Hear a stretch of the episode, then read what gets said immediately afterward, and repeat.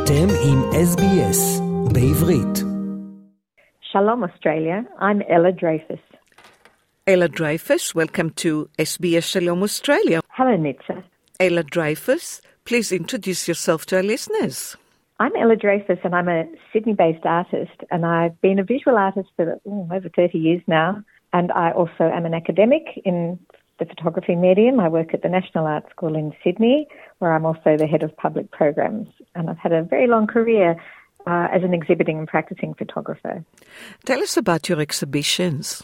Well, my various exhibitions have included um, portraiture, they've included uh, public art installations, and now my most recent project is my very first short documentary film called Dreyfus Drei. And that's what I would like to talk to you about because this is an incredible documentary film. It's about your family, your identity, and uh, so much more into this documentary. Can you please tell us about this documentary film, Dreyfus Drei, and we'll find out uh, what was involved in actually producing it and filming it. It's great to be able to talk about it because it's a very important milestone in my career as an artist where I embraced something that was hidden from me for many years, and that is the history of my family on my father's side, who are from Germany. And my father escaped Germany as a youngish boy. Well, not that young. He was 12 and his brother George was 11. And they were lucky enough to get on a kinder transport and escape Germany in 1939 to Melbourne. But for so long, in fact, all his life, my father never told us anything about his family, even though he obviously had memories about it since he was 12 when he left. And it wasn't until I read my uncle's book, probably after my father died, that I discovered that his grandparents, my great grandparents, were murdered in the concentration camps. And that begin, began a journey for me to discover more and to finally step foot in Germany, which I had actually been afraid to do so my whole life. And it really wasn't after till after he died, 24 years ago, that I took up the courage to even go to Germany just for a short trip. And since then, I've been back four times. Once as an artist in residence, where I made a lovely series called Walking in Wiesbaden.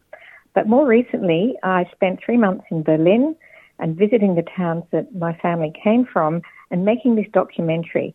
And the concept of the documentary is about how three generations of my family, which is the Drei, Eins, zwei, drei in German, I've looked at three generations and three people. Firstly, my uncle, who's 95, George Dreyfus, myself at age 60, and his young son, Jonathan, age 35. And I've looked at how three different generations have approached their relationship with Germany and how we conceive of the concept of how do we return to Germany because we've done that in very different ways. And we are the creative people in the family. They are the musicians and composers, and I'm the visual artist. So we bring a different perspective to other family members who might simply go to have a look at the places. We've spent time there and we've made our artwork there. We are talking to Ella Dreyfus, a contemporary visual artist and academic at the National Art School in Sydney and a documentary maker. And we are talking about her documentary Dreyfus Drei. It's a short documentary film about uh, your family, Ella. Can you tell us about your family, more about your family? You said that uh, your father Richard and his brother George escaped Germany as uh, young teenagers. Your father was 12, wasn't even bar mitzvah, and his brother was 11, went on the kinder transport. But what was the roots of the family? Did they live in Berlin for many generations? The family actually originated in the Mainz area of Germany and then moved over to Wuppertal up near Dusseldorf. They were from families of um, shopkeepers and uh, merchants, things like that, quite integrated into German society. But in um, 1933, when things change, began to change in Germany and uh, Jews were slowly kind of pushed out of their towns, the family basically had to get out of Wiesbaden, where they'd been living, and move across sorry, to, out of Wuppertal, where they were living, and go to Berlin because Jews were no longer allowed to own their businesses. They were no longer allowed to live in their homes, um, go to school, and a lot of Jews did go to Berlin. So my father and his brother were in Berlin only from about 1936 onwards for three years. And his grandparents were in Wiesbaden, so they had retired there. They never left Germany, unfortunately, and they were eventually sent to the gas chambers when it was all too late and people were trying to flee in 1942. But fortunately, George and Richard, his, their father got them a ticket on a boat, and the Australian Jewish Welfare Society in Melbourne were desperately trying to get children out of Germany. And the Australian government came down very hard and would hardly allow any children to come in at all. But they were the lucky ones. And they were put in an orphanage in Melbourne, in Balwyn, in the Larino Home for Children. And many of those children stayed there for until their adult years. But George and Richard again were incredibly lucky that their parents also escaped and were able to take them out of that orphanage. And they all lived together in a flat in Melbourne for many years.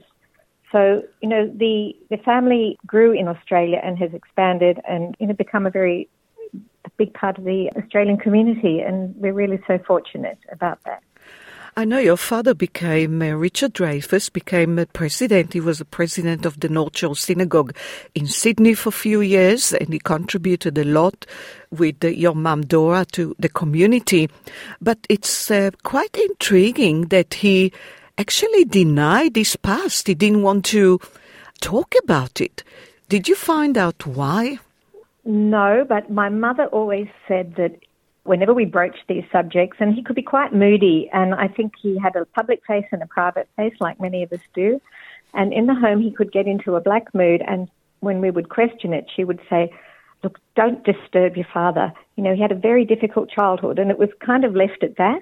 And we didn't know why. And if we would ask him difficult questions, he'd basically get up and leave the room. So it was as if the door was shut and you were really, it was a no go area. And I, I believe this is quite common as I've done more research into people who've, you know, suffered war traumas and migration. I mean, imagine being put on a, a massive boat and sent away without your parents, not knowing where you were going and your whole life uprooted. And of course, we keep saying how lucky they were, but it was still a very traumatic experience arriving in a foreign country with no language and starting afresh in an orphanage. So I think that it was probably all too painful for him. And he was a man who looked forward. And as you say, he worked in the Jewish community, not only many, many years on the board and president and treasurer at Lindfield at the North Shore Synagogue, but also on the JCA, the UIA. He was at the Sydney Jewish Museum. He really was a community man and very involved in the setting up of Masada College in Lindfield at the Shore.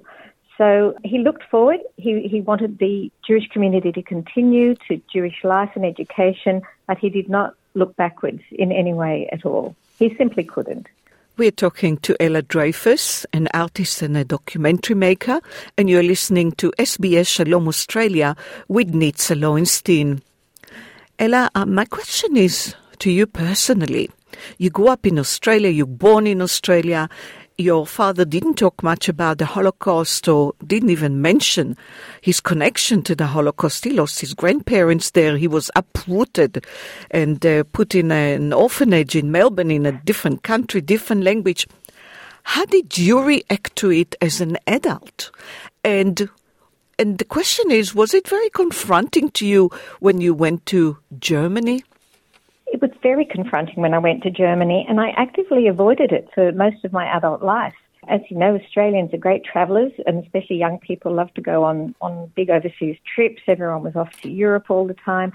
But I did not go to Europe, and I didn't want to go. And I really stayed away because I had a, a deep terror of stepping foot in Germany.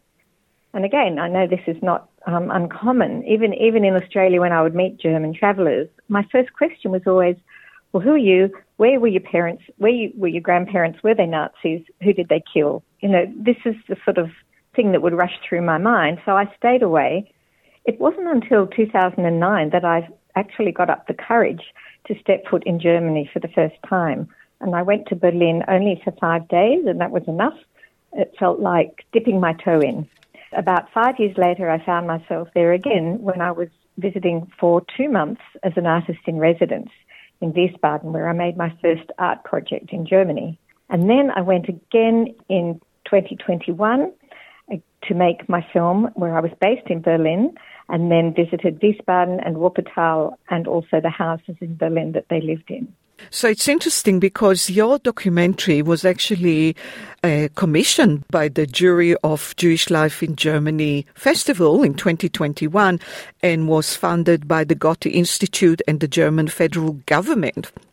So, how do you feel about it that the current German government is uh, actually funding your documentary about uh, your heritage? I think it's absolutely fantastic that the German government they ploughed 17 million euros into the Jewish Life in Germany festival. Anyone from across the world could apply to have their project funded, and I was very fortunate to receive a very substantial amount of money to go to Germany to make my film. I think that they are, you know, heading in the right direction, acknowledging that Jewish life has existed for a very, very long time, well before World War II, and my family are part of that. They can trace their origins back for many generations in Germany. So I think that they are doing incredible work kind of at the official level, at confronting anti-Semitism. But I would say down on the ground in the streets, you can certainly see evidence of anti-Semitism growing and the, you know, the rise of the ADF, the political party who are very racist, not only anti-Semitic, but anti-Muslim and anti-everybody else. You know, that is on the rise across Europe. So I think for me to be making a film about Jewish life in Germany, showing it in Germany, which I've done a number of times in Jewish museums, in theatres, and you know I've had four or five screenings there now. I am really committed to this film being shown to German audiences as well as other places in the world. And fortunately, in the last year and a half, it's gone to many international short film festivals. It's been screened in Australia um, about 12 times, and it's going to have another screening coming up very soon on the North Shore of Sydney. Ella Dreyfus, an artist and a documentary maker.